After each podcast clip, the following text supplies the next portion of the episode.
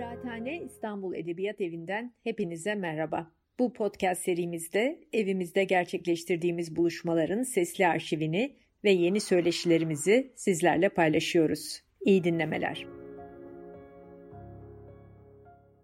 Kıraathane Kitap Şenliği'ne hoş geldiniz. Şenliğin ilk günü ve bu ilk günde e, Avesta yayınlarının düzenlediği bir etkinlikle e, siftahı yapıyoruz. E, Avesta'nın e, bu yıl aramızda olmasından, e, şenliğe katılmasından çok mutluyuz.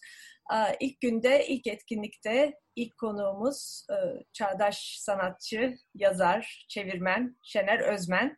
Şener Özmen Diyarbakır'dan e, katılıyor bugün aramıza ve Mehmet Uzun'u anarak Mehmet Uzun'dan yola çıkan bir Kürtçe edebiyat, Kürtçe roman, e, Kürt diliyle yapılan kurmaca sanat e, konuşması yapmak üzere. Buyurun, söz sizin. Merhaba, ee, öncelikle teşekkür ediyorum e, bu fırsatı verdiğiniz için. E, daha önce de konuk oldum ben e, size galiba. Be, Berlin'den gelmiştim ve e, ama o, o çağdaş sanatı konuşmuştuk e, ilk kez. Bugün çok bir kere mutlu oldum. Hani e, böyle şeylerin e, e, sanat alanında özellikle çağdaş sanat alanında nasıl yapılacağına ilişkin tartışmalar hala çok sıcak. Yani müzeler açılacak mı, sergiler yapılacak mı, galerilerin durumu ne? E, edebiyat e, daha fazla şey bulabiliyor bazen, daha yaratıcı kanallar bulabiliyor. E, hani fiziksel bir mekan gerekmeyebiliyor çünkü her şey zihinsel mekanda oluştuğu için belki bugün de bunun üzerinden bir e, e, konuşma yapacağız. Teşekkür ediyorum hepinize. Ee, gelen konuklara da ben şu an e, e, e o değerli konukların çoğunu göremiyorum. E, e, ama e, e, onlara da bir merhaba diyorum. Muhayratın serserimin. E, ve e, yavaştan artık bir e, e, konuya gidebilirim diye düşünüyorum. Şimdi aslında e, e, bana hep şeyi şaşırtıcı geliyor. Yani e, neden e, e, e, 2016'da mesela çok e, geç bir tarihte bir e, Kürtçe romanın İngilizceye çevrilmesi haber oluyor. Yani e, bu tuhaf bir şey. Çünkü başka hiçbir dil için herhalde yapılabilecek bir haber değil bu. Ama söz konusu olan Kürtçe ise ve o Sorani lehçesi ise bir şekilde olmuş. İnternette dolaşırken işte Melville Books'ta bunu da yazmıştım ben. Böyle bir haberle karşılaştım. Eski bir haber, eski bir haber üzerinden ne konuşabilirim? Aslında çok şey konuşabilirim. Hatta o haber üzerinden Kürt edebiyatını, bugünkü durumunu da e, konuşabilirim. Ben de bunu istiyorum. Yani dediğim gibi ben e, bunun bir soru olmaması için, başlığın soru olmaması için e, çaba sarf ettim ama e, bu soru başka soruları da beraberinde getirdi. E, evet biraz böyle e, kışkırtıcı bir şeye benziyor. Böyle bir e, e, sanki böyle bir koku geliyor sorunun kendisinden e, roman yazıldı mı diye sorduğumda e, hani büyük oranda hani çok büyük bir kitleye sahip değiliz zaten. Bugün Kürtçe roman yazanların sayısı e, 20 yıl önce işte Mehmet Uzun'un da bahsettiği o bir e, elin parmaklarını geçmeyen e, e, sayıda. Hani artmış değil. E, kesinlikle artmış değil. Ama şunu biliyorum. E, hani e, bir takım itirazlar da yükselebilir. E, romanımızın e, bugün altın çağını yaşadığı da söylenebilir. E, ben genelde hep e, pesimist olmakla suçlarım ya da böyle görülürüm. Hep buradan bakıyorsun sen edebiyata. Bu da benim durumum. Ben Mehmet Uzun'un, rahmetli Mehmet Uzun'un mekanının cennet olduğunu biliyorum. Gerçekten buna inanıyorum da. Yani zamanında çok önemli sözler söylediğini, ve hala kendisiyle e, e, yapılan e, e, bütün o söyleşilere rağmen e, hala yeterince e, duyulduğunu düşünmüyorum. E, hatta anlaşıldığını da düşünmüyorum. Çünkü bu sözler, yaptığı bütün o söyleşiler, ölümünden sonra özellikle bu coğrafyada, bu topraklarda e, e, gelişen, e, hiç de iç açıcı olmayan e, olaylar yüzünden e, kayboldu gitti. Pek çok şeyde olduğu gibi. Pek çok sözün kaybolduğu gibi. Yani buna sanat da dahil. Ee, okumuşsunuzdur. Çünkü bunların büyük oranda Türkçesi de yayınlandı. Ee, yani Mehmet Uzun, e, evet Kürtçenin yazarıydı, Kürt dilinin yazarıydı. E, ama Türkçe üzerinden de çok okundu. Başarılı çevirilerdi bunlar. E, kimse de bu çevirilere ilişkin e, o kadar sert sözler söylemedi.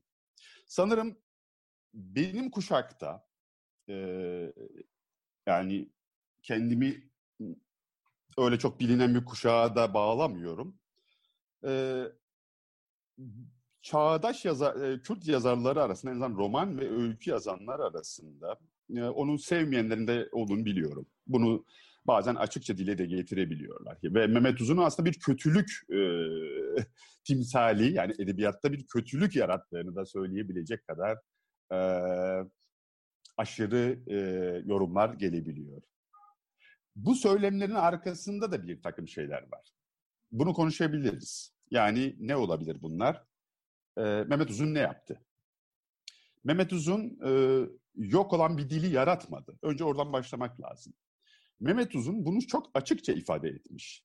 Bir e, modern bir roman dili yaratmak için çaba sarf ettim. Bunu tam olarak yarattığımda iddia etmiyorum demiş zaten. Yani bunu söylüyor. E, büyük bir boşluktan bahsediyor. Kendisinden önceki yazarlara referanslar vererek, kiminin isimlerini anarak e, yeterince bu konuda çalışmadıklarını, tabii onları haksız görerek değil, eleştirerek değil, buna zaman bulamadıklarını, buna başka dertlerle ve başka meşguliyetlerle cebelleştikleri için disipline olamadıklarını, bu yüzden o gelenekte doğan boşluğu benim gibi ya da benim gibi olan yazarların yaptığı gibi çalışarak, didinerek, diller öğrenerek, çeviriler yaparak roman sanatının ne olduğunu, modern roman sanatın, sanatının ne olduğunu, bu dilin nasıl yaratıldığını e, bayağı çalışarak 20-30 yıl e, e, bunu yapmadıklarını söylüyor zaten. Ve bunu kendisiyle yapılan pek çok söyleşide de zaten dile getiriyor. O boşlukların e, o boşlukları e, Kürtlerin yarattığını iddia etmiyorum Mehmet Uzun o dili yasaklayan iktidarlar, e, devletler, e, e, her kimse ve her neyse onlara sürekli bir e, göndermede de bulunuyor. Ve iyi ki de yapıyor bunu. E, tekrarlıyorum, mekanı cennettir onun. Çünkü eğer o bu söylemleri üretmemiş olsaydı, e, bugün e, bütün bu tartışmaları yapmıyor olacaktık. Üstelik e, çok yeni şeyler de değil bunlar. Ama özellikle benim hani yeni olarak eklemek istediğim şey şu. Mehmet Uzun bir kültür hareketinin temsilcisi gibi çalışıyordu. İyi bir romancı olması dışında kendiliğinden oluşmuş bir kültür hareketinin e, temsilcisi. E, ve bunu e, ulusal ve uluslararası basına yaptığı söyleşilerde de, röportajlarda da sıklıkla dile getiriyordu. Bu boşluk neydi? Çok kısaca e, böyle bir kalem kalem geçelim. Yasakların yarattığı şeylerdi bunlar. Geleneğin kopuşuydu, hatta geleneğin yok edilişiydi. E, asimilasyondu, bunlar onun temel şeyleriydi. E, o asimilasyon terörü der, böyle nitelendirir. E, daha da iyi bir şey bulur buna, e, daha da kritik bir e, sözcük e, bulur buna. Yanı sıra eksiklikler, gecikmişlikler, bastırılmışlıklar bunlar onun sözcükleridir. Ona e, onu okuyan o dönemin e, Türk e, edebiyat eleştirmenleri de aynı şeyleri söyler zaten. O sözcükleri devralarak konuşur. Yani Mehmet Uzun nedir? Mehmet Uzun Kürt edebiyatında ne yaptı, neye yol açtı? E, muhtemelen o güne kadar e, bugün e, Kürt edebiyatına, çağdaş Kürt edebiyatına ilişkin kafasında silik bir fotoğraf olan yazarın da e, eleştirmenin de artık o, o, o fotoğrafın artık o tarafta biraz netleştiğini en azından bir parça netleştiğini söylemek mümkün. E, ve bunda Mehmet Uzun'un çok büyük bir katkısının olduğunu da söylemek e, gerekiyor. Benim değil. benim dönemimde şu an yazan yazarların değil. Çünkü şu an yazan yazarları ciddiye alan e, hiç kimse yok. Hiçbir kurum da yok. Tek tük e, bir takım ilişkiler üzerinden, e, yapıtları üzerinden konuşulabilecekse ki bu alan da yok. E, dünya ile bütünleşme diye bir e, mesele zaten yok. E, dediğim gibi hani e, e, uzundan sonra en çok konuşulan, e, kendisinden bahsettiren, tabii ki bunu yapıtlarıyla yapan e, Bahtiyar Ali'yi Mehmet Uzun'dan ayıran çok önemli bir e, e, yerde. E, Mehmet Uzun aynı zamanda politik bir e, söylem de geliştiriyordu. Aynı zamanda bu sorunun nasıl çözüleceğine dair, bu işte 100 yıllık, 1000 yıllık meselenin nasıl çözüleceğine dair e, önerilerde de bulunan e, bir yazardı. E, ama iki ayrı e, parçadan e, gelen e, yazarlardan söz ediyoruz. Şimdi biri e, e, hiç bundan bahsetmezken, hiç sürgün meselesinden bahsetmezken, hiç bu konuyu gündeme getirmezken, dil yasaklarını gündeme getirmezken, e, diğer yazar, onun çağdaşı diyelim ki, bunları konuşuyordu, bunları iletiyordu e, e, dünyaya. Burada şu eleştirilebilir. Zamanla bu eleştirildi de zaten. Hani çok sıklıkla eleştirildi. Mehmet Uzun'un e, e, e, kendisini ve dilini ezen ulusun e, yazarlarıyla e, birleştirdiği noktalar. E, e, ve yine ezen ulusun yazarlarının ve edebiyat eleştirmenlerinin ona dair yaz, yazması. Ben bunu bile bir e, e, gelişme olarak görüyorum yani. Hani e, hatta e, Kürt edebiyatına dair hani e, o eleştirmenlerin bahsettiği Mehmet Uzun'a kadar kafamızda hiç net bir imaj yoktu ve Mehmet Uzun'dan sonra e, e, biraz daha netleşmiş bir fotoğraf geçti e, elimize. En azından biz artık bir edebiyatlı olduğunu, bir dili olduğunu, bu dilin bir roman yazmaya yettiğini, yetiyor olduğunu gördük. Çevirilerle sanırım bu biraz pekişmiş de oldu. Yani e, Mehmet Uzun sadece Kürtçe ile sınırlı kalmadı e, Türkçe dışındaki diğer dillere de çevrildi. Ve diğer dillerdeki e, yansımalar da hemen hemen e, Türkiye'den işte Türkçe gelen yansımalara çok benzerdi. Ö- övgüyle söz ediliyordu Mehmet Uzun'un yazdıklarından. Bir kere şunu söylemek lazım, kurmak lazım. Yani şu rahatlık yazarda olmalı eğer. E, asla kıskanmayacaksın, kıskanmamalı. Yani neden? Artık hani e, ölüp göçüp gitmiş bir insandan bahsediyoruz. Ama hala e, bir büyüden bahsediyoruz ve hala bir ruhtan bahsediyoruz. E, yani kendisine ait olmayan başka bir kültürün yazarını kendisine çok hızlı bir şekilde bağlayabilen bir yazar prototipi çıkabiliyor. Yani e, bu Orhan Pamuk olabiliyor, bu Moyan olabiliyor, e, işte bu Faulkner olabiliyor, Joyce olabiliyor. Niye Mehmet Uzun olmasın? Senin o işte. Senin ve ha, bütün hayatı boyunca bunun için çaba sarf etmiş. Sırf sen o dilde ondan sonra daha kaliteli, kendi sözcüğüdür, daha kaliteli, daha okunabilir, daha iyi edebiyat yapabil diye. Bence bu müthiş bir çaba. Bu çaba e, e, kendisinden sonra e, akademik çevrelerde e, o da çok kısa sürdü gerçi e, kötü edebiyat dünyasında ve e, e, eğitim dünyasında daha üst bir yere gitti. Ben bunu hep söyledim. Devletle mutabık olduğunuz dönemlerde edebiyat açılıyor.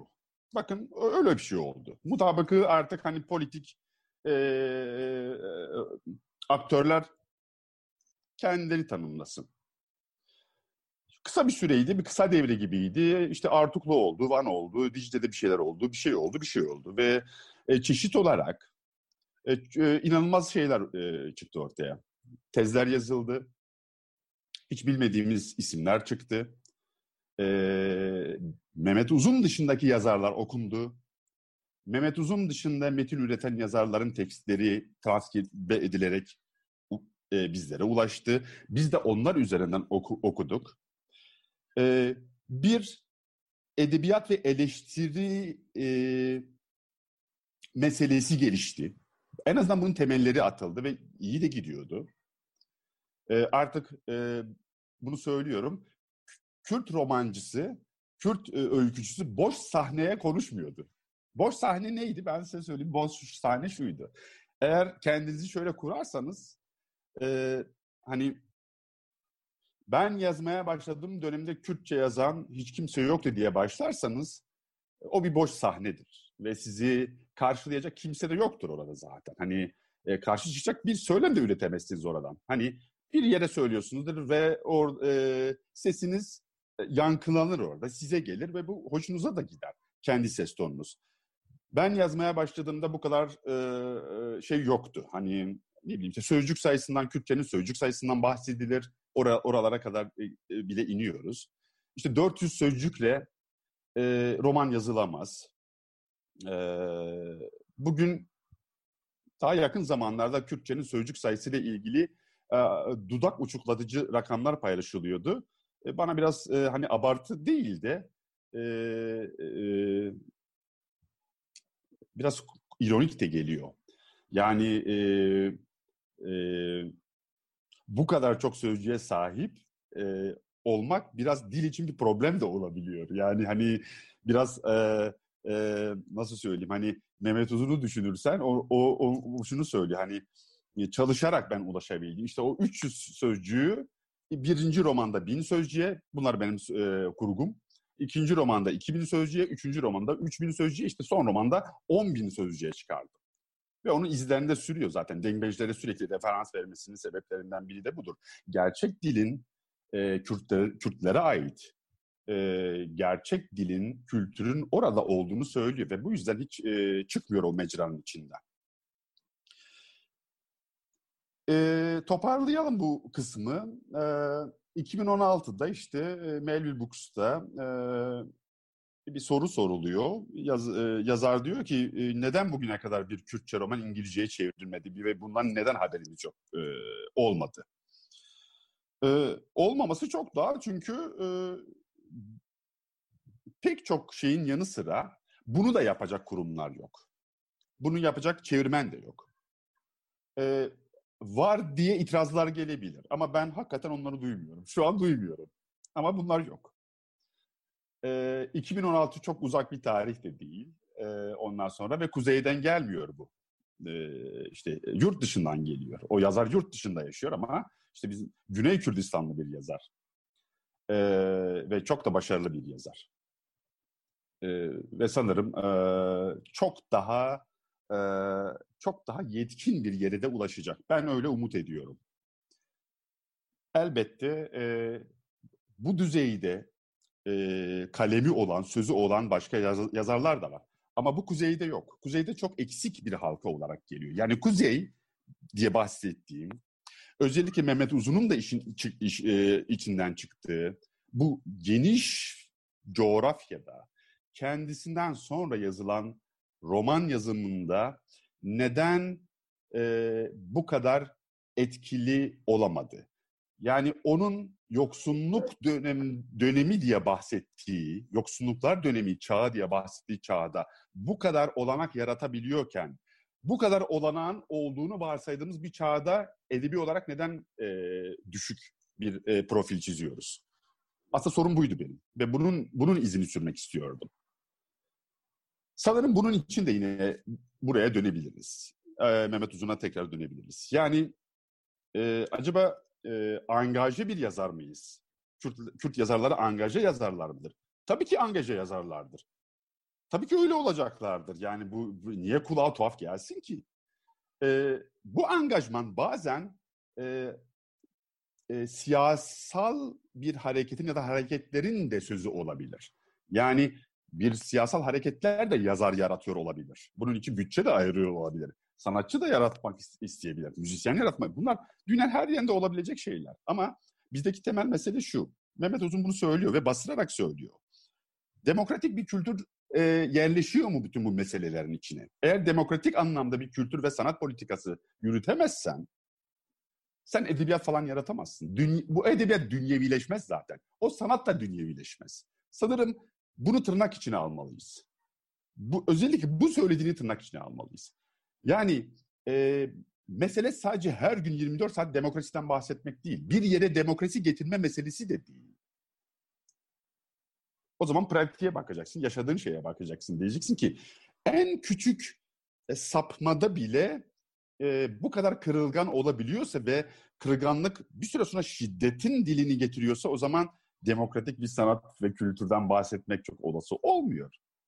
Ee, hani e, bu eleştiri şuradan da gelebilir. Mehmet Uzun'u çok büyütmüyor musun? Evet, büyütmek zorundayım. Büyütmek zorunda olduğumu hissediyorum çünkü. Yani e, o bana onun bir değer olduğunu, büyük bir değer olduğunu, benim de ancak onun ardılı olabileceğimi, onun peşinden giden biri gibi. Ben ancak böyle kurabilirim kendimi bugün. Çünkü e, herhalde e, başka söyleşilerde de oturumlarda ben bunu dile getirdim. Bir tek örnek verin bana. Kürt edebiyatı içinden. Yaşayan bir yazar ya da şairden. Dünya sorunlarına ilişkin, dünya sorunları diyorum. Kendi sorununa ilişkin, etnik, bölgesel, bilmem, bölgesel lafını sevmiyorum bu arada. Ee, aidiyet, sömürge, sömürge sonrası durum. Bütün bu meselelerde hangi yazara ciddi anlamda söz veriliyor ve o yazar konuşuyor? Hangi yazar bunları konuşuyor? Biz bu sözleri duymuyoruz. Bu o yazarı e, önemsiz biri haline mi getiriyor? Tabii ki de önemsiz biri haline getiriyor. O istediği kadar kendi zihinsel mekanında roman yazsın ve bunları yayınlasın. E, hırçın oluyor bu gelişiyor, hırçınlaşıyor. Ee, hırçınlaşınca saldırmaya başlıyor. İşte o zaten, e, bu tipik şeydir. Yani tipik işte bu demokrasinin olmadığı yerdeki meseledir. Ee, o zaten şundan çaldı. O da orijinal değil. Bu metin şöyle. Zaten bu bir çeviri. Bunun dili, Kürtçesi zaten çok çeviri kokuyor. E, Türkçenin etkisinde. Çok kusura bakmayın. Bunu hep söylerim. Bana Türkçenin etkisinde olmayan bir yapıt gösterin ben bu işi bırakayım. Bunlar çok ciddi iddialardır. Yapmayın. Yapmayın yani. Bu etkisinde meselesi nedir? Konuşmak lazım. Elinize herhangi bir çağdaş yazarın kitabını alın ve burada yaşıyor olsun.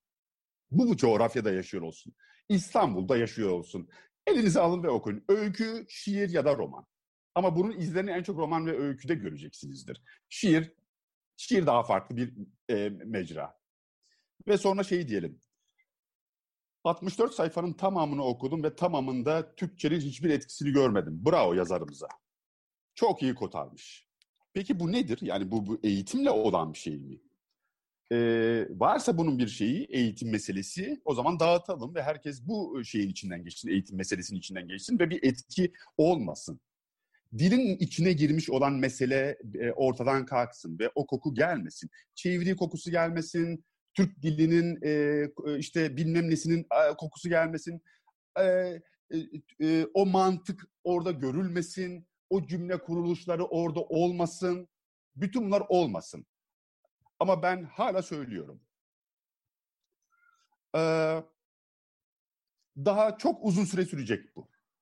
Türkçe düşüneceğiz ve Kürtçe yazacağız. Bu da bir başarı hikayesi olabilir. E, bu şeyden daha iyidir bu arada. Bu dilin tamamen yok olmasından daha iyidir bana sorarsanız. Bu böyle gidecek. Çünkü sizi besleyen kaynaklar Kürtçe kaynaklar değil. O kaynaklara ulaşma e, e tarihiniz daha çok yeni. 20 yıllık olsun. 20 yılda Mehmet Uzun'un bahsettiği şeyi yaratma olasılığınız hiç yok. Arkanızda hiçbir kurum yokken üstelik. Hiçbir kurum yok. Sizi destekleyen hiçbir edebiyat kurumu yok. Sizi destekleyen hiçbir belediye yok. E, kitaplarınızı çeviren hiçbir e, kurumsal e, böyle bir o, ortaya çıkmış bir şey yok. Bir çevirmen e, e, birliğiniz yok, grubunuz yok. Her şey yine başında olduğu gibi kendinizin yarattığı networklerle, ilişki biçimleriyle, e, kimi zaman yayın eviyle, yayın evleri üzerinden, yayın evi politikaları üzerinden, kişi, kişiler üzerinden gelişen bir e, e, mesele haline dönüşüyor. Bu çok zor. Bu yüzden söylüyor. Bakın Tanrı kimseyi Kürt yazarının durumuna sokmasın. Benim lafım değil bu. Mehmet Uzun söylüyor bunu. Ne zaman söylüyor ama tarihe bir dönün. Niye Tanrı kimseyi Kürt yazarın e, durumuna sokmasın? Bir e, şey yaratmıyor burada. Bir e, bana acıyın meselesi yok da bir mağdur meselesi değil. Tabii ki mağduriyet meselesi onun pek çok şeyinde var ama bunda yok. Bu sözün içinde yok. Şunu söylüyor. Hangi aklı başında yazar kendi ana dilinde yazmaya başlama başladığında ya da buna karar verdiğinde bu kadar çok şeyle karşılaşıyor. Hiçbiri. Hiçbiri. Yani e, mutabık olunmayan, dili üzerinde mutabık olunmayan, gramatoloji üzerinde mutabık olunmayan, sözcükler ve sözcüklerin anlamları üzerinde mutabık olunmayan, e, söz dizimleri üzerinde mutabık olunmayan, sözcüklerin yaydığı sesler üzerinde mutabık olunmayan bir dilde, Joyce gibi söyleyelim, kimsenin anlaşmadığı bir dilde nasıl bir edebiyat yapacaksınız? Bunun alınmacısı kim olacak? Bu da çok önemli. Çünkü bugün o boş sahneye konuşmuyorsunuz. Bugün e, eleştirmeni olan, çok önemli yazarları olan ama sesleri kısık, e, e, basını olan diyelim e, bir sahneye konuşuyorsunuz. Bunlar bunlar her 10 yılda bir 10 yılda bir kırılıyor, yok ediliyor. Yok edildiği için tıpkı e, Kürt güncel sanatçısı gibi her seferinde ve her sergide ve ürettiğiniz her işte kendinizi yeniden yaratmak zorunda kalıyorsunuz. Bu bıktırıcı bir şey. Söylemek istediğim şey şu. Bıktırıcı. Bunu hiçbir yazar yaşamıyor. Bir dilin içine doğuyorsun. Her şey hazır elinde ve geliştiriyorsun sen o dili. Ama senin meselen bu değil. Bugün hala sözlüklere ihtiyaç duyuyoruz. Bakın sözlüklere. Biz Mehmet Uzun'u şöyle düşünüyorduk. Nobel almaya e, aday bir yazar olarak. Şu an konuştuğum meseleye bakıyorum. Hala sözlüklere ihtiyaç duyuyoruz. Niye? Yani yeterince sözcük bilmediğimiz için mi? Hayır. Yazdıklarımızın, edebi metinlerin doğru kontekstler içinde kullanıp kullanılmadığını bilmek istiyoruz aslında. Başka metinler bizi etkiliyor. İşte Kafkas Kürtlerin yazdıkları. Ben mesela o hatta ilerlemeye çalışıyorum. Çünkü baş, kendim için doğru olarak görüyorum orayı. Mix. Bendeki bir dil biraz mixtir Kürtçe. Yani benim okurlarım biliyor bunu. Ama eleştiri ancak e, e, edebi eleştiri e, bir akademinin e, içinden geçerse iyi bir yere ulaşabiliyor, e, ciddileşebiliyor. E, onun dışındakilerin, e, onun dışındaki şeyi eleştiri değil zaten, olmuyor da.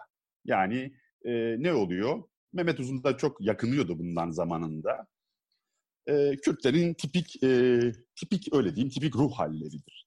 Yani e, o bir e, e, hani ilkler kimdir? Edebiyattaki ilkler kimdir? Bu hep bizim sorunumuz oluyor. İlk Kürtçe romanı kim yazdı? İlk Kürtçe şiiri kim yazdı? İlk Kürtçe çeviriyi kim yaptı?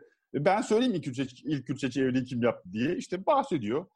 E, e, ondan sonra şeyde de e, mesela Veziri, Veziri Aşur'un da e, yazdıklarında vardır. Emeliki Serdar'ın da yazdıklarında vardır.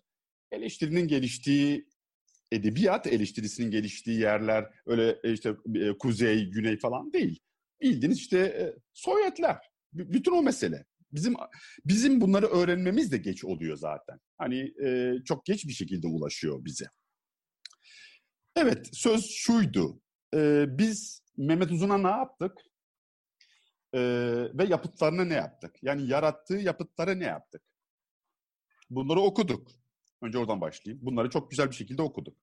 Büyük bir kısmımız Türkçe okudu. Bir kısmımız da Kürtçe okudu bunları. E, olur. E, tuhaf bir şey değil. Bu yani bu üstüne konuşulacak bir mesele de değil. Hani bunun üzerinden sosyoloji yapamazsınız. Kürt sosyoloji, Kürt edebiyat profili çıkaramazsınız. Meselemiz şu. 2000 işte bilmem kaç.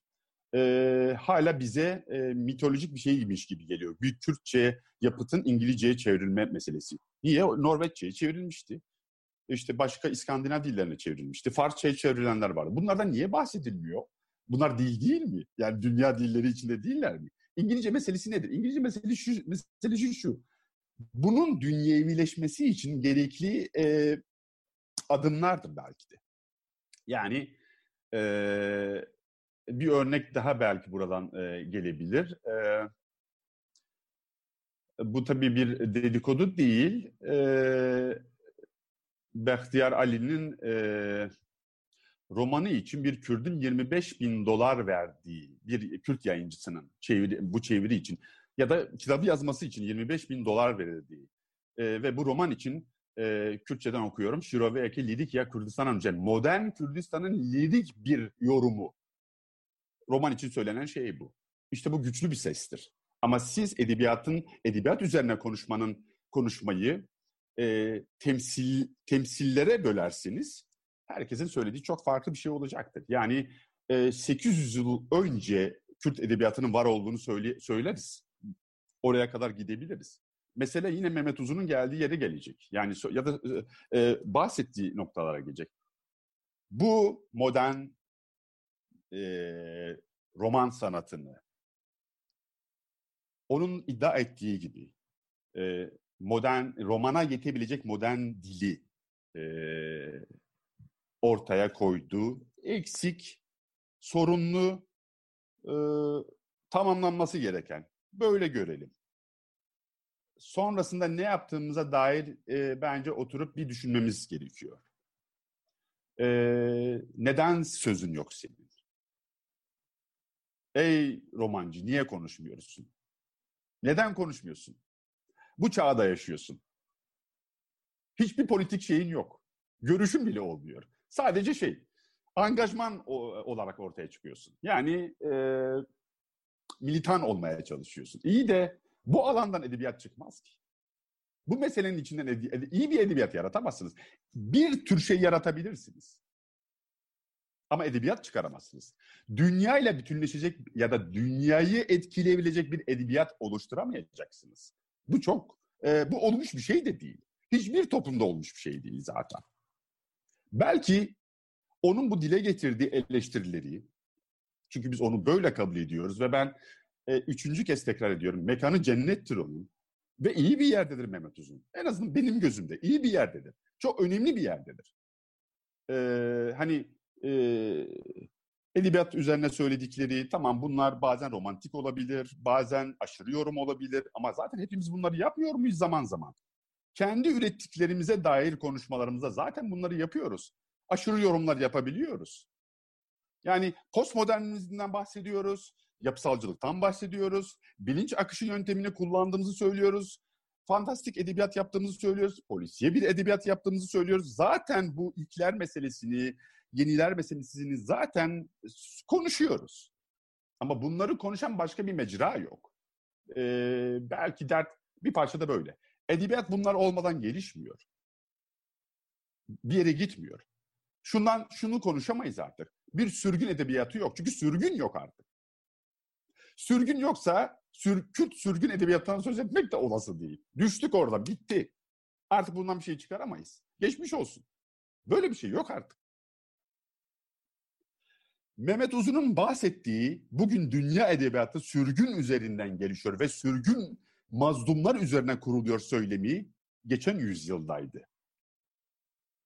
Biz artık nasıl bir halk olduğunu bile anlamadığımız sürekli hareket halindeki bir göç e, bir göçten bahsediyoruz. Onların nereye gittiği, nasıl yaşadığını, ne tür insanlar olduklarını bilmiyoruz. Bütün Avrupa böyle. Bütün dünya bu hale geldi.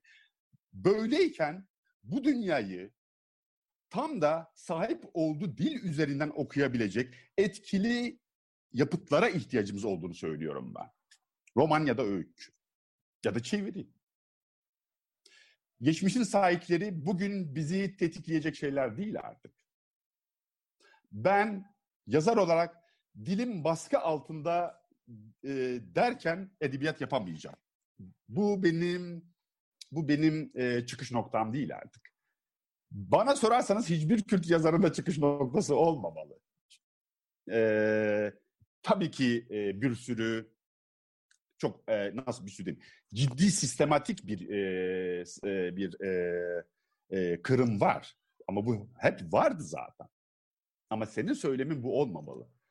Bu yüzyılda, bu çağda, bu çağın ruhu içinden yazdığın için senin söylemin e, bu bir tercihti. Dilim baskı altındaydı ve ben baskı altında olan bir dille yazdım. Hayır. E, bunu da bize şey yapma. Türkçe yazsaydın hiçbir şey yazıyor ol, olmayacaktın. Bunu Kürt edebiyatçısı için, Kürt okuru için bir e, büyüklük olarak görme, bir imtiyaz olarak görme. Kötü Türkçe edebiyat yapıyor olacaktınız. Bugün çok örneği var bunun.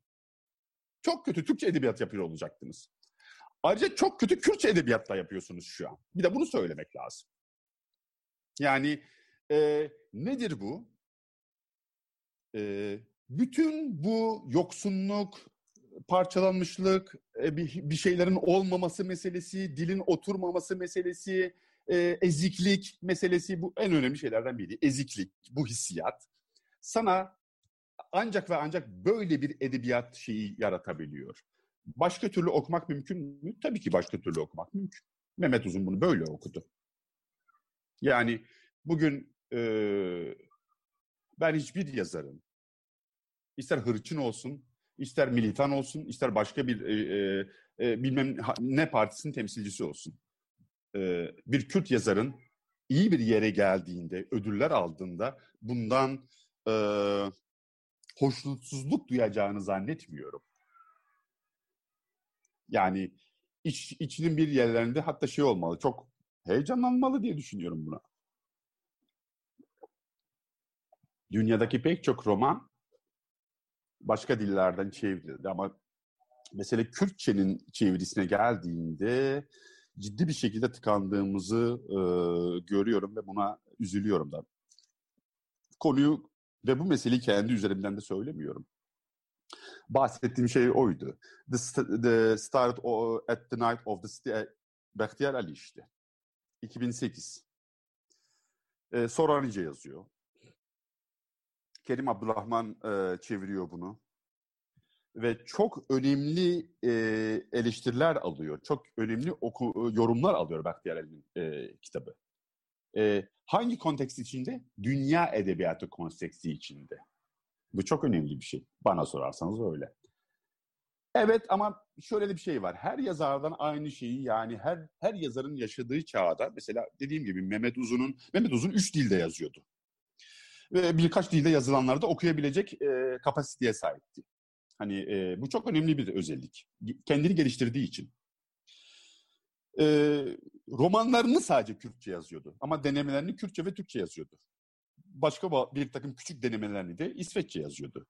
Yani hiç de ona şey diyemeyiz e, küçük, kendi küçük dünyasında roman yazan bir tane işte Siverekli e, e, e, siyasi bir hareket, hareket üzerinden işte Avrupa'ya gitmiş. Yıllarını sürgünle de yaşamış. Sürgünü kendi... Hayır böyle değil. Bu kadar en azından bu kadar basit değil hikaye. E, yani e, ve şanslı da görüyorum onu. Erken ölümü e, erken ölümü e, maalesef e, Kürt edebiyatı için bir e, yıkımdı. Maalesef diyorum. Bir parça daha yaşamalıydı. Bir parça daha. En azından kendisinden sonraki şeyleri gö- görmesi için, desteklemesi için, eleştirmesi için, savaşması için belki de. Hani şunu e, yapması için. Hayır, kötü şeyler yazıyorsunuz. En iyi benim. Demesi için belki de. Bunu yap bunun bunu yapmasını çok isterdim. Bu çok iyi olacaktı. Kendimizi hakikaten görebileceğimiz yeri bir, bir parçada aydınlatmak için çok iyi olacaktı diye düşünüyorum. Mesela e, kendi sözü diyor ki hani bunu yaratırken üstelik diyor kendimin de yetkinleşmediği bir dilde yazacağımı çok iyi biliyordum. Ama bu yoksunluk meselesi e, kendisinden sonraki kuşaklarca da bir süre sürdürüldü. Açıkçası yoksunluk edebiyatının mağduriyet meselesinin Kürt edebiyatına sağladığı hiçbir şey yok. Kürt edebiyatı sürgünde doğmuş olabilir birkaç sürgün yapıtı da doğmuş olabilir bu edebiyat içinde. Ama gerisi bugünkü Kürt okuru açısından kale alınacak şeyler değil. Ancak Kürt literatürü içinde bir, bir şeyin içine sokarsın. Bunlar da zamanında yazılmış şeyler. Ama zaten böyle başlar. Pek çok şey böyle başlar. Bugün sadece geçmişin 20-30 yıl öncesinin e, e, diline e, yaslanmama gerek e, diye düşünüyorum. Edebiyat üretirken onlar artık sana bir ışık, bir kapı değil. Onlar seni tetikleyen e, kavramlar haline gelmiyor. Seni engelleyen kavramlar haline geliyor. Bunda e, bunda biraz uyanık olmak gerektiğini düşünüyorum. E, sürgün meselesi, hani bu çokça tartışılıyor. Halen bazen söyleşilerde görebiliyorum. E, sevgili arkadaşlar böyle bir edebiyat yok artık. Bunu söylemek e, durumundayım. Bir sürgün edebiyatı yok. Tıpkı bir sürgün e, san, çağdaş sanatı olmadığı gibi. Kürtlerin bir sürgün çağdaş sanatı olmadığı gibi. Bir sürgün Kürt edebiyatı yok. E, bu ta, e, tartışmaya tartışılabilir ama benim baktığım yerden böyle bir şey görmüyorum. Yani e, konuşulabilir. Bu Mehmet Uzun şunu da söylüyor. Diyor vasat bir Avrupalı yazar, e, yazarın yazdıkları bile diyor 60-70 yıl boyunca bütün Kürt yazarların yazabildiklerinden daha çoktu bir zamanlar. Haklı ama o karşılaştırmayı yaparken ileri demokrasiyle hiç demokrasisi olmayan bir ülkeden bahsediyordu. Bunu konuda biraz şey olalım.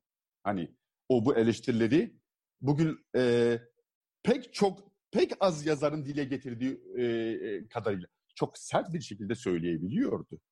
Bunun bir yazarın kendi e, dilini oluştururken yani dil yaratmak dediği şey Kürtçeyi yaratmak değil. Tam da bundan bahsediyorum. Bunu yaratmaktan söz ediyor. Bu yüzden anlaşılmasına ilişkin meselenin çok kaydığını, e, uzunu yarattıklarıyla birlikte çok hızlı bir şekilde gömmeye e, hevesli olduğumuzu görüyorum. Bunu e, bunu yapmayalım. Bunu hiçbir Kürt yazarı için yapmayalım. Hepsi çok değerli. Hepsi inanılmaz şeyler yaratıyor. Yani e, nasıl? Bir kere hiçbir imtiyaza sahip değil. Hiçbir şekilde. Hiçbir şeyi yok. Hiçbir şeyi olmadan e, yarattığı için saygı duymalıyız. Ama kendileri de e, o tepe, tepeden bakışın içinden bir çıksınlar. Bir, bir ayakları bir yere bassın bir realiteyi, bir gerçekliği görsünler. Ee, eğer e, bir sözdü ve hakikaten hangi kitapta okuduğumu hatırlamıyorum ama A veya B bir siyasal harekete, düşünceye, e, entelektüel, psikolojik e, ya da her neyse sebeplerle katılıyorsanız yarın o sebepler ortadan kalktığında siz de o örgütün içinden ya da o yapan içinden yok çıkıyorsunuz, yok olup gidiyorsunuz. Edebiyat böyle bir şey değil. Sanat da böyle bir şey değil. Bunun içinden iyi bir propaganda çıkarabilirsiniz bu arada. İyi bir ajitasyon dili de çıkarabilirsiniz. Ama bizim bahsettiğimiz dünya ile bütünleşen, dünyanın okuyacağı ve görmezden gelemeyeceği bir şey yaratmak e, daha ciddi bir çalışma gerektiriyor. E, daha özverili bir çalışma gerektiriyor. Bu açıkçası atıyorum kendimden bahsedeyim. Benim yazdığım beş kitapla gelecek bir şey değil. Mümkün değil. Konuşmak da gerekiyor zaman zaman böyle işte. Hani geriye kaçmadan. Kendisini e, grilerin içinde göstermeden. Lafını söyleyerek. Edebiyatta ne yapmak istediğini çok açık bir şekilde ifade edin. Konuşun. Artık başka olanaklar var, medya olanakları var. Nasıl bir ülke, devlet hayal ediyorsunuz? Kafanızda böyle bir şey var mı? Kürtlerin birleşmesine dair bir tahayyülünüz var mı? Bunu kafa yani bu kafanızda var mı? Bunu düşünüyor musunuz yoksa ayrıştırmakla ilgili mi çalışıyorsunuz? Bunları konuşabilmelisiniz. Nasıl bir demokratik şey var, tahayyül var kafanızda? Bunu kendi yaşadığınız toplumla ilgili düşünebiliyor musunuz?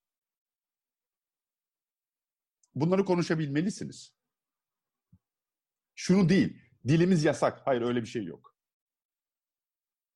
Bunu en böyle hani Kürtlerin bütün o iktidar alanlarını aldığı tüm bunları çok güzel bir şekilde yapabileceğimiz zamanlarda yapmadık biz. Bugün hani Kürtlerin Kürtçe kurslara ilgi yok demesi bir kadar tuhaf bir şey gelmiyor hakikaten aklıma. Bunu söylemeyin ya, yapmayın yani.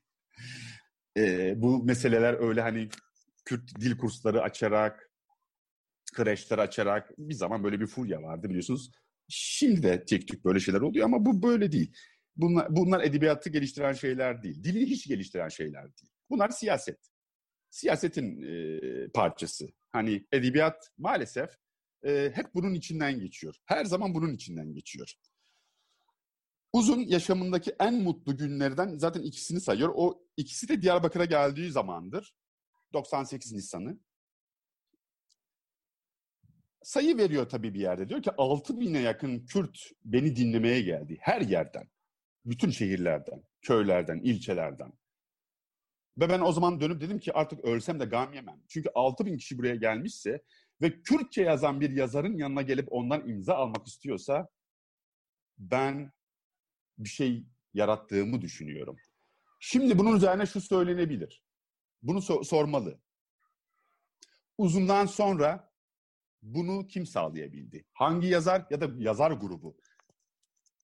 Hangi kurum? Hangisi çok etkili oldu? E, kapı araladı. E, hem edebiyat için hem çeviriler için. E, zamanında atıyorum işte Mehmet Uzun'a Kürt aristokrasisinin sesi oluyorsun diye eleştirenler onlar nerede ben çok merak ediyorum. Çünkü Kürt aristokrasisini yazmak çok önemli bir şeydir. Bu, bunu yazmak, bunun romanlarını yapmak, bunun sinemasını yapmak çok önemli şeylerdir bunlar. Bunlar biraz daha üst perdede bir e, kültürel şeyi de gerektiriyor. Bir mesele de gerektiriyor. Bu hangi zamanlarda eleştirilebilir ki böyle bu, bu, bu şey? Ancak senin toplumun e, inanılmaz böyle burjuva bir topluma ulaşır da bütün o sorunlar, e, asimilasyonlar, işte sömürge politikaları bilmem neleri geride kalır. Sen 50 yıl sonrasında böyle bir cümle kurabilirsin. Bir yazar için bunları kurabilirsin. Ama artık e, artık e, biraz zor. E, burada belki biraz durabilirim ve şunu söyleyebilirim. Hayır, Mehmet Uzun Kürt dilini yeniden yaratmadı. Madem hani bu birilerinin yüreğine sür serpecekse serpsin. Kürt dilini yeniden yaratmadı. Bir dil zaten vardı ve bir edebiyat da vardı. Ee, Mehmet Uzun kendini yarattı. Bu e, asıl önemli olan bu. Kendisini yarattı. Bunun için çaba sarf etti. Ve kaçmadı. Söyledi, konuştu. Eksik, yanlış e, yaşayan bir, çok önemli bir yazardı. E, ve hakkını veremedik. Şimdilik bu kadar. Eğer sorular varsa bir 10 e, dakikada soru alabilirim. E, yoksa da e, belki biraz daha konuşarak sonlandırabilirim. Ben öncelikle bu etkinliği düzenleyen Kıraathane İstanbul Evi'ne teşekkür ediyorum. Biraz daha heyecanlıyım aslında. Aynı şekilde şey, sevgili Şener Özmen'e de çok teşekkür ediyorum. E, feyz aldığım bir söyleşi oluyor gerçekten. E, ben de e, hasbelkader biraz Kürt edebiyatıyla ilgili olan bir araştırmacı olarak e, dikkat çekmek istediğim bir şey var. E, Mehmet Uzun'un çevirileriyle ilgili özellikle e, Türk okuru ve Türkler için e, Kürt edebiyatı derken akla gelen ilk ismin neden Mehmet Uzun olduğuna dair ben bir soru sormak istiyorum. Bunu sorarken de aslında onun e, çevirilerinin e, ilk akla geldiğini söyleyebiliriz. Yani bu sorunun cevabını vermek babında değil de aklıma e, ilişkilendirdiğim bir yorum niyetine eklemek istiyorum. E, belki yanlış hatırlıyor olabilirim ama e, Mehmet Uzun Havara Dicle ya da Dicle'nin yakarışını yazarken aynı anda e, onun e, Türkçe çevirilerini de çevirmenine e, ya da e, romanı kısım kısım çevirmenine verdiği ve e, bunu da e, romanın Kürtçesi yayınlanırken e, aynı zamanda ya da bir, e, bir biraz geç de olsa bir zaman sonra Türkçesinin de yayınlandığını görüyoruz. Bu sorduğum soruyla ilişkili olarak bu çevirilerin de etkisi olmuş mudur? Bir de tabii e, Yaşar Kemal'in Mehmet Uzun'la dair e, işte Kürtçe romanın babası şeklindeki değerlendirmesinin bir etkisi var mıdır? E, bunun e, Türk okurunun bu algısının Kürt edebiyatında Mehmet Uzun dışında kalan diğer yazarlar için bir risk barındırıyor mu? Ya da onlar görmezden geliniyor mu? Sormak istediğim soru buydu. Çok teşekkür ederim. Ben teşekkür ederim ve iyi de açtın e, bence. E, e, aynı zamanda e, e, kısım kısım çevirileriyle birlikte Türkçe çevirmenin de gönderdiğin meselesini e, duymadım. Senden duyuyorum. Ben hani benim bu konuda bir şey söyleyemem. Biraz aşırı yorum olur. Bildiğim bir şey mesele değil. E, ikincisi e, e, Kürtçe yazan, yani bu çeviri meselesinin Kürtçe yazan ya da işte Yaşar Kemal'in söyledikleri, diğer e, alımlamalar, Mehmet Uzun'a dair yaratılan o hale, e, e, Kürtçe yazan diğer yazarlar için bir tehlike arz eder mi ya da bir sıkıntı arz edebilir mi? Evet, arz etmiş ki bunları konuşuyoruz ya da bunlar yazıldı, çizildi, hala bu meseleleri konuşuyor oluyoruz. Çünkü e, sanırım ilk yaptığımız şey onun aurasına saldırmak oldu. Yani e, şey gibi hani e, bu bana biraz şeyi anımsatıyor. E, örnek ne kadar yakın bilmiyorum, yakın olacak bilmiyorum ama e, sevgili e, dostum Cembeli. E, Cumhuriyet Gazetesi'nde e, o sıra köşe yazıları yazan bir yazar vardı. Ben bahsettiğim işte 2000'lerin başı belki 90'ların sonu. E, bir söyleşi yapılmıştı benle. İlk kez böyle güncel sanat işlerim işte görünmeye başlanmıştı ve ben Diyarbakır'dan üreten biriydim. İşte e, Gattari'den, Lacan'dan bahsettiğim zamanlardı ve e, e, Cumhuriyet Gazetesi'ndeki köşe yazarı da şey hani onu o söyleşi köşesine taşımıştı şunları diyerek yani e, nasıl oluyor da Diyarbakır'dan biri Lakan'dan bahsedebiliyor. Bu kadar açık yazmıştı. Yani hani şey değil öyle saklamamıştı lafını esirgememişti. Hani e, meseleyi biraz e, bugün hani Işıl Özgen Türk'ün yaptığı şey e, meselesi. Yani sen kim oluyorsun da e, Lacan gibi henüz Türkçe'ye bile zar zor çevrilen bir yazarı ya da bir filozofu bilmem neyi, psikanalisti e, işte büyük laflar ederek e, konuşabiliyorsun. Biz Mehmet Uzun'da biraz bunu mu görmek istiyoruz? Yani şey olarak hani e, Kürt yazarlar olarak diyelim ya da Kürt entelektüeller ismi her neyse. Kürt Çevirmenler Birliği. E, işte neyse işte biz bunu mu görmek istedik acaba? Hani daha fazla mağdur şey mi yapmalıydı acaba? E, hani e, ya e, bunları daha mı fazla köpürtmeliydi bu meseleyi? Zaten bana sorarsın bir de konjüktürel şeylerdir bir de bunlar. Niye başka bir yazar için o bahsettiğimi? Çünkü artık Yaşar Kemal de yok ama başka yazarlar var. Bugünkü yazarları tam da söylediğimiz anlamda eleştirdiğimiz noktadan destekleyecek başka yazarlar var. Dünya mı değişti? Yani Kürtler başka türlü mü düşünmeye başladı şu an? Ki e, bu şeyi yakalayamıyoruz. O e, bu e, e bu birleşimi, bu birleşimi yakalayamıyoruz şu an. E, o 20 yıl öncesinde çok daha mı iyiydi benim senin konuşmam? Bu söz daha mı etkili oluyordu? Ee, dikkat ederseniz benim Mehmet Uzun'a ilişkin e, dile getirdiklerimde e, bir yakınma olabilir belki. Azıcık bir yakınma olabilir. O da erken gittiğine ilişkindir. Onca yıldan sonra bir Kürt yazar çıkardık. Ee, onu onu hep orada tutmalıydık ve düşürmemeliydik. Bunu yapmalıydık. Yani e, bu bize çok gelmemeli. Bahsettiğim şey bu. Beni hani beni e, en küçük şeyi bile heyecanlandırıyor bu anlamda. Yani onun uzunun e, şundan şu olmasaydı uzun olmayacaktı. Şu işte Yaşar Kemal ona büyücü demiş. Ama büyücülükte şöyle bir şey var. Mehmet Uzun hokus pokus da yapıyor olabilir. Ee, yani bunu da yapmış olabilir bu arada. Ve Türk okuru o hokus pokusu sevmiş olabilir. Ya da Türk yazarı ya da eleştirmeni. O hokus pokusu sevmiş olabilir. E, biz bugün şey diyoruz. Biz hokus pokus da yapamıyoruz. E, büyücü zaten değiliz. E, hani şu an yazanlardan bahsediyorum.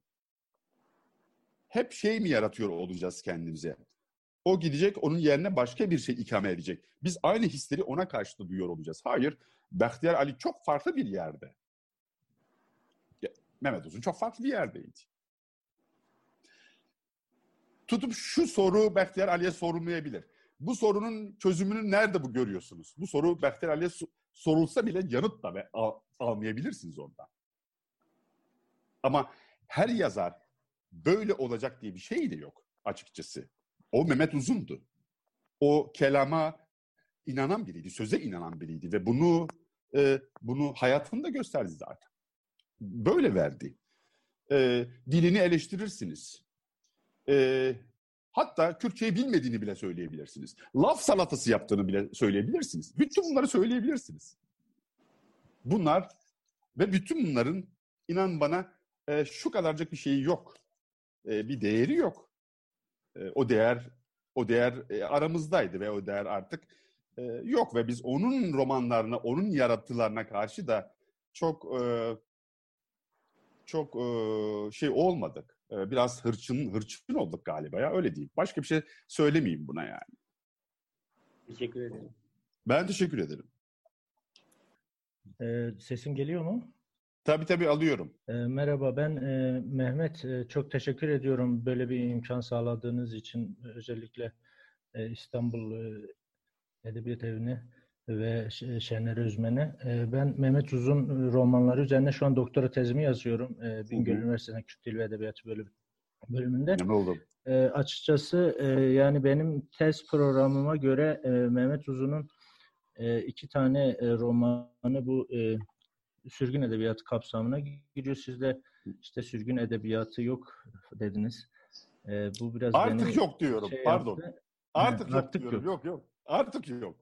ben Mehmet işte Uzun kompleks bir, bir soru soracağım hocam. Ee, yani şimdi, yanlış e, anlamayalım. He, evet. Anladım. E, bildiğimiz üzere işte e, ilk Kürt romanları e, Sovyet e, döneminde Rusya'da e, bu Transkafkas dediğimiz bölgede çıktı. E, 1935'te çıktı hı hı. roman. İşte Mehmet Uzun ve o diaspora ekolü dediğimiz e, Kürt romanları da 80'den e, sonra çıktı. Evet. Öncelikle bu Mehmet Uzun'un Despek Edebiyatı Kurdi Kürt Edebiyatı'na giriş kitabında bu Sovyet romanı üzerine çok bilgi sahibi olduğunu görüyoruz. Fakat hı hı. E, ben şahsen yani oradaki romanlardaki işte bu sos, so, sosyalist realizm etkisini Mehmet Uzun'da görmedim.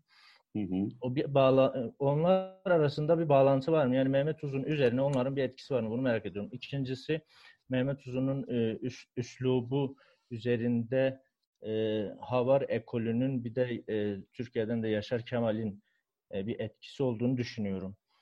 E, hı hı ya da işte e, Mehmet Uzun'un romanlarının yani büyük kısmını bu Rojava Kürdistan'da bu göç etmek zorunda kalan işte Havar ekolü ve çerçevesi, çevresindeki e, kişiler, şahsiyetler e, o atmosfer üzerine yazmasında orada oraya gitmesi, onlarla iletişime geçmesi işte özellikle Celadet'in eşiyle e, bir bağlantı var mı acaba?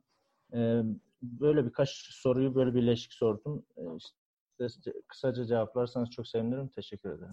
Tabii ben teşekkür ederim. E, hayır, Mehmet Uzun'un e, tabii ki bir yazar olarak ve modern bir yazar olarak kendisinden önce yazılmış bir coğrafyada e, ve bir coğrafyanın parçasında e, Ermenistan'da e, ve diğer bölgelerde e, bu bilgiye sahip olduğu için e, ve bizden daha erken ulaşabildiği için o kaynaklara çünkü Mehmet Uzun Avrupa'da yaşayan biriydi e, o o kaynaklara ulaşması nispeten bizden çok daha kolaydı ve nitekim öyle de oldu zaten. Yani ben hani e, gitti mi gitmedi mi ziyaret etti mi bunları bilmiyorum. Yani bu bilgilere sahip değilim. Belki yakın dönemde çıkacak olan kitaplarda bunlar yazılıyor olabilir. E, hayır, şöyle me, e, o edebiyatın Mehmet Uzun'u çok fazla etkilediğini söyleyebilirim. Çünkü Mehmet Uzun dilini biraz onlara bakarak düzeltti. E, yani hani e, biraz oraya bakarak düzeltebildi. Yani o çalışma meselesi içinde. Çünkü o hep şeyi bahsediyor diyor ki orada bir takım dergiler vardı diyor.